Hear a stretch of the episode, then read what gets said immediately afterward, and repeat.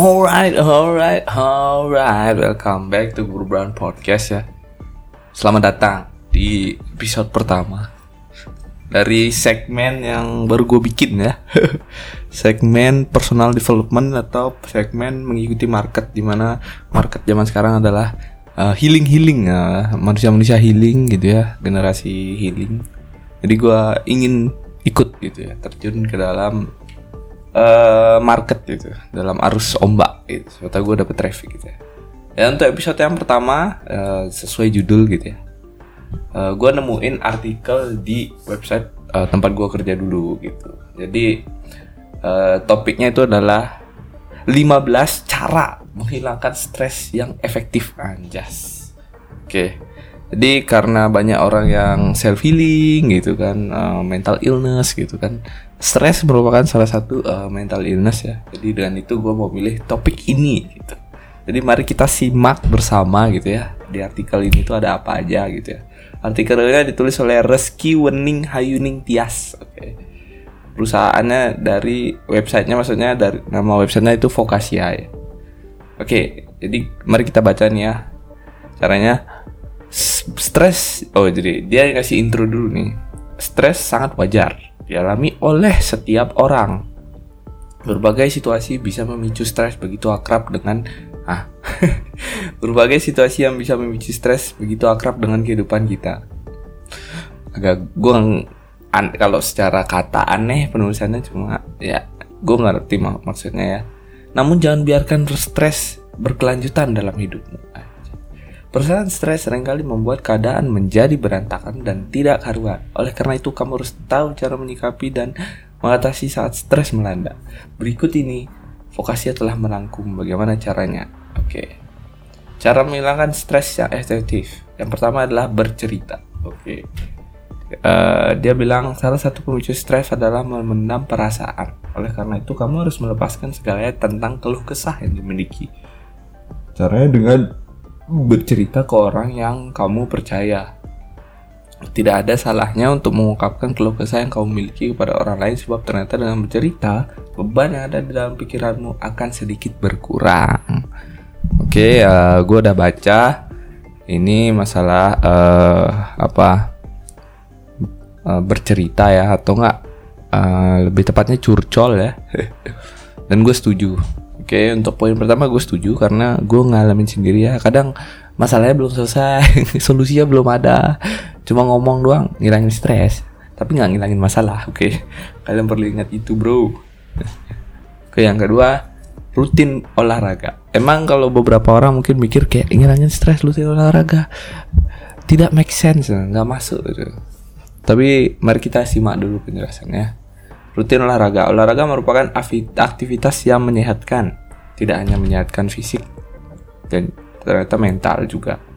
Dengan olahraga, tubuhmu akan menjadi lebih bugar dan pikiranmu akan teralihkan sejenak sehingga perasaan stres dalam dirimu juga perlahan akan menghilang. Oke, okay.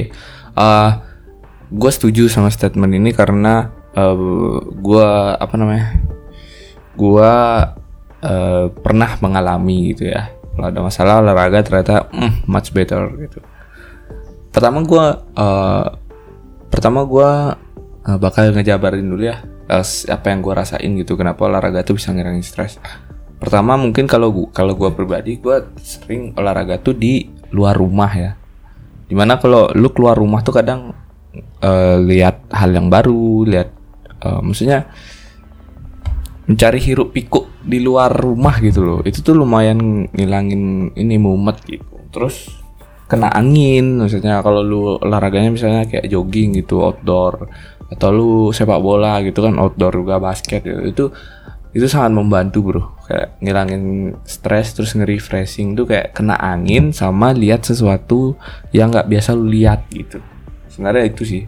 Uh, terus kalau masalah Eh, menyehat membubar membugarkan badan ya udah itu kan udah pasti ya emang fungsi olahraga itu itu sih. Kalau gue tuh bukan karena uh, olahraga tuh bikin gue sehat jadinya stres gue berkurang. Bukan itu. Kalau gue tuh lebih kayak ya lu keluar aja gitu. Lihat lihat situasi baru terus lihat dapet udara baru sama kalau lu olahraga tuh kan uh, biasanya lu ngelakuin olahraga yang lu suka gitu. olahraga apa sih yang lu suka? Misalnya lu sukanya bulu tangkis. Ya lu waktu main bulu tangkis ya lu happy gitu. Kalau gua kan mungkin sepak bola atau futsal ya gua kalau pas futsal atau sepak bola ya gua lupa sama masalah gua gitu dan gua suka sepak bola gitu jadi lebih kayak bukan olahraga sih kayak hobi gitu jadinya kayak faktor ketiganya gitu olahraga tuh kenapa bikin hilangin stres karena olahraga sebagian dari hobi gitu.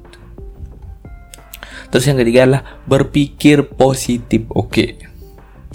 Ini dari judulnya gue agak nggak setuju ya. Kamu akan jauh lebih stres jika dalam dirimu terdapat pikiran yang ah oh kamu akan jauh dari stres jika jika dalam dirimu terdapat energi dan pikiran yang positif. Tidak hanya itu berpikir positif juga akan menuntunmu melakukan hal-hal yang baik. Dengan begitu secara tidak langsung perlahan kamu akan menjadi pribadi yang lebih baik dari sebelumnya. Oke, menurut gua berpikir positif ini sangat make sense ya. Di mana-mana orang stres tuh pasti pikirannya negatif, energinya negatif, udah pasti itu bro. Lu tuh kalau nyuruh orang ngilangin stres dengan cara berpikir positif tuh, lu tuh kayak misalnya ini ada orang nggak punya duit untuk berobat atau nggak punya duit untuk makan gitu. Terus dia kayak sedih aduh aku nggak punya duit untuk bayar uh, biaya pengobatan. Terus lu ngasih tahu ya udah cari aja duit kerja sono gitu. Kayak gitu loh maksud gue kayak lu oh ini ada orang depresi. Aduh gue depresi bener-bener stres banget. Ya udah berpikir positif ya itu bukan tips aja itu tuh emang uh, apa sih algoritmanya gitu gitu maksudnya mekanismenya gitu gitu. Kalau dia bisa berpikir positif ya nggak mungkin dia stres gitu. Kalau misalnya dia bisa segampang itu mengubah pikiran negatif menjadi positif ya ya dia nggak bakal stres juga dia nggak bakal curhat juga sama lu anjing sama ya sama yang kayak gue bilang aduh nggak punya duit untuk nyicil rumah pengobatan dan lain-lain. Aku terpuruk. Ya udah kerja sono anjing gitu. Enggak anjing. Nggak bisa gitu. Harus dikasih medianya gitu kayak ini gue ada kerjaan lu kerjain sono gitu. Itu lebih support gitu. Bukan kayak cuma ngasih tahu doang bro. Ya udah lu kerja berapa duit ada ya lu, maksudnya lu paham kan maksud gue yang dengerin gue ya gue nggak tahu sih siapa yang dengerin maksudnya paham gak lah maksud gue lah ya Terus yang keempat lah batasi bermedia sosial Media sosial memang memiliki banyak manfaat bagi kehidupan, namun di balik itu juga terdapat dampak negatif yang merugikan di dalamnya. Iya, media sosial dapat bersifat adiktif. Untuk itu kamu perlu membatasi waktu dalam media sosial. Bila jeda waktu untuk otak dan juga fisikmu untuk beristirahat serta rileks sejenak. Oke.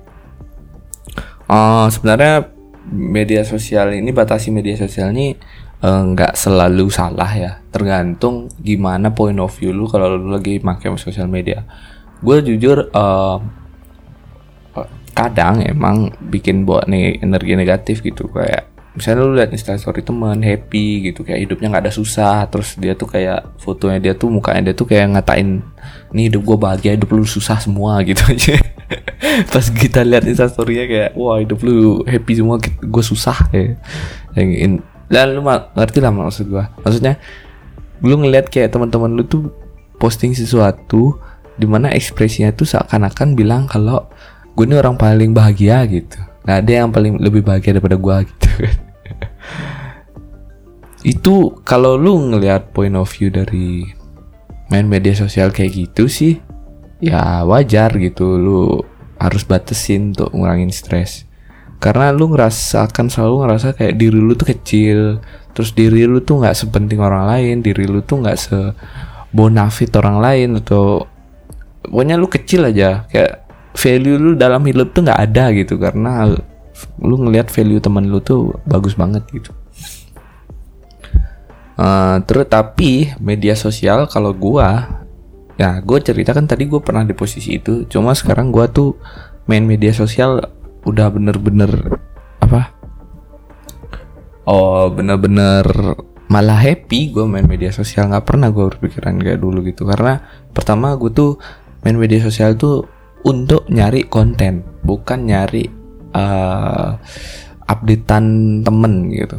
Enggak jadi gue tuh buka YouTube gue suka nonton Valorant gue buka gue suka nonton channel Sideman gue buka terus gue suka nonton podcast podcast yang komedi gitu gue tonton gitu. Ntar gue minum dulu.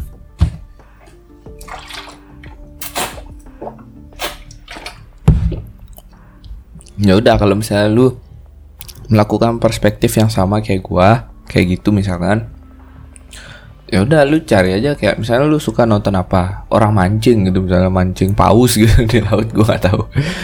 Ya udah lu buka aja nonton orang mancing. Yang ngurangin stres kan?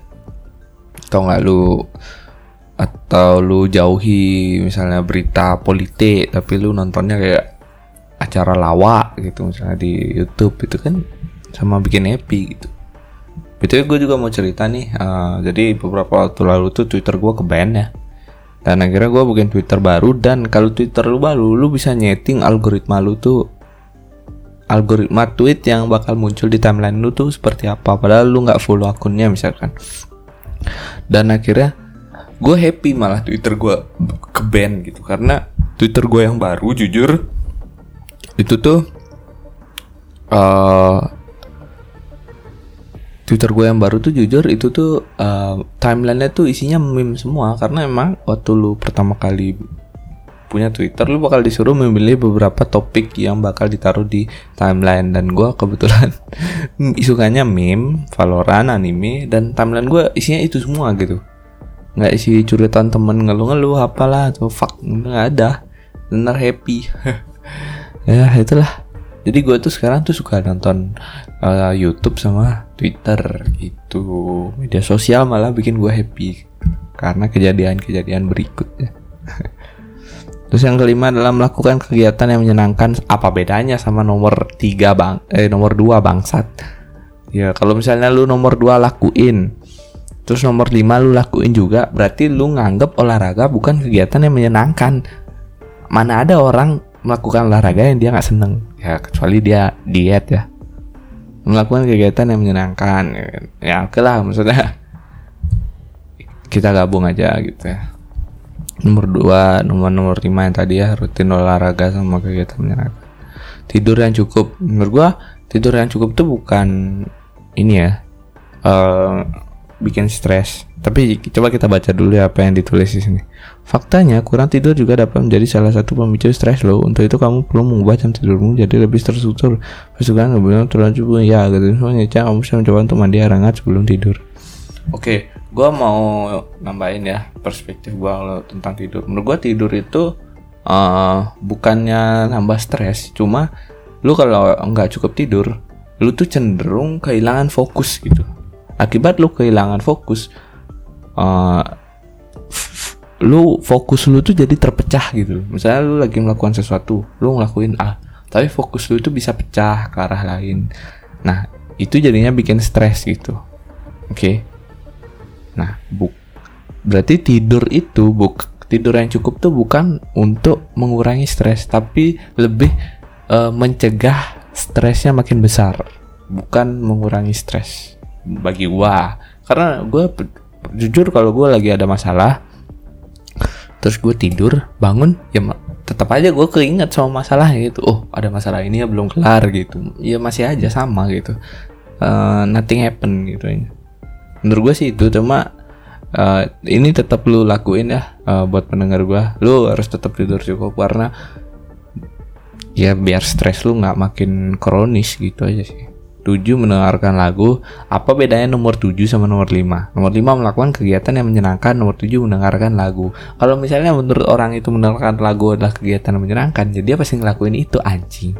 Itu nomor 7 Ah, tidak respect penulis aja bangsa dia emang good bram aja. Ya, ya sorry ya. Ya kita lewatin lah nomor 7 mendengarkan. ya udah pastilah menata kamar sorry ya. Maksud gue rutin olahraga oke okay lah. Maksudnya rutin olahraga tuh sesuatu yang sebenarnya secara uh, algoritma tuh nggak nyambung gitu.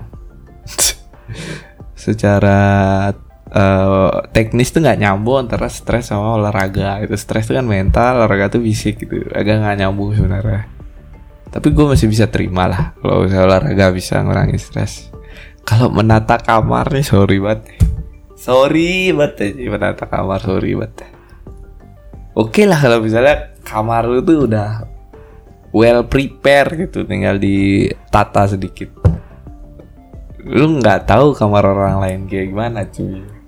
Ada kamar orang lain tuh ada celana, ada tong sampah dalam kamar, ada gitar rusak lah, ada kandang kucing, ada wah hancur chaos, ada ini, ada orang yang punya kamar kayak gitu bro. Ya kalau misalnya natanya dikit ya nggak stres, kalau nata kamar chaos kayak kapal pecah ya. Itu mah dari stres eh, jadi jiwanya langsung gangguan jiwa cok. Oke berarti menata kamar bukan opsi yang baik ya untuk menjaga uh, mengurangi stres. 9 traveling oke traveling apa bedanya sama melakukan kegiatan yang lu suka? Oke. Melakukan kegiatan yang menyenangkan apa bedanya? Oke. So sebenarnya tips uh, mengurangi stres ya. Uh, dari 9 poin yang gue temuin dari artikel gue minimalisir nih. Demi kalian ya gue rangkum. Pertama bercurhat oke. Okay. yang kedua berpikir positif bukan solusi. Gue coret rutin olahraga bukan solusi karena rutin olahraga termasuk dalam uh, melakukan kegiatan yang menyenangkan. Oke yang pertama adalah curcol. Eh curhat terus curcol. Ah eke. Banci banget gue Um, pertama curcol, yang kedua batasi media sosial, tapi uh, tambah nonton konten, konten hiburan. Eh, cari hiburan berarti nomor 4 tuh cari hiburan. Uh, me gunakan media sosial untuk mencari hiburan gitu. Pertama curhat, kedua main media sosial untuk mencari hiburan Terus yang kelima, melakukan kegiatan yang menyenangkan. 6 Oke, tidur yang cukup kita masukin aja. Tidur yang cukup. 7 coret mendengarkan lagu coret. 8 menata kamar coret. 9 traveling coret. Oke, berarti tidur yang cukup, melakukan kegiatan yang menyenangkan, media sosial untuk hiburan dan curhat. Oke, ada 4 cara menghilangkan stres yang efektif by Good Bram, oke? Yang terinspirasi oleh artikel Vokasia Blog, oke? Itu aja sih ya. Nah, mungkin dari kalian mungkin pendengar gue, gue mungkin ngerasa uh, apa sih Bram nih segmen self healing tapi kasar gitu kayak nggak lembut, nggak membantu. Emang gitu gue. lu kalau mau self healing self healing konten self healing yang lembut lembut ya ya udah lu dengerin podcast yang lain aja gitu gue kalau misalnya sok sok self healing lembut gitu gue sebenarnya nggak kayak gitu men gitu jadi kalau misalnya gue ngelakuin itu demi konten kayak uh, ya bukan gue aja gitu. Kayak gue pengen konten podcast ya personal banget gitu. Apalagi ya? Ya udah itu aja sih. Maksudnya uh, buat kalian pendengar gua thank you ya udah dengerin. Kalau lu stres santai bro. Hidup belum selesai. Chill. Oke okay, it's a bye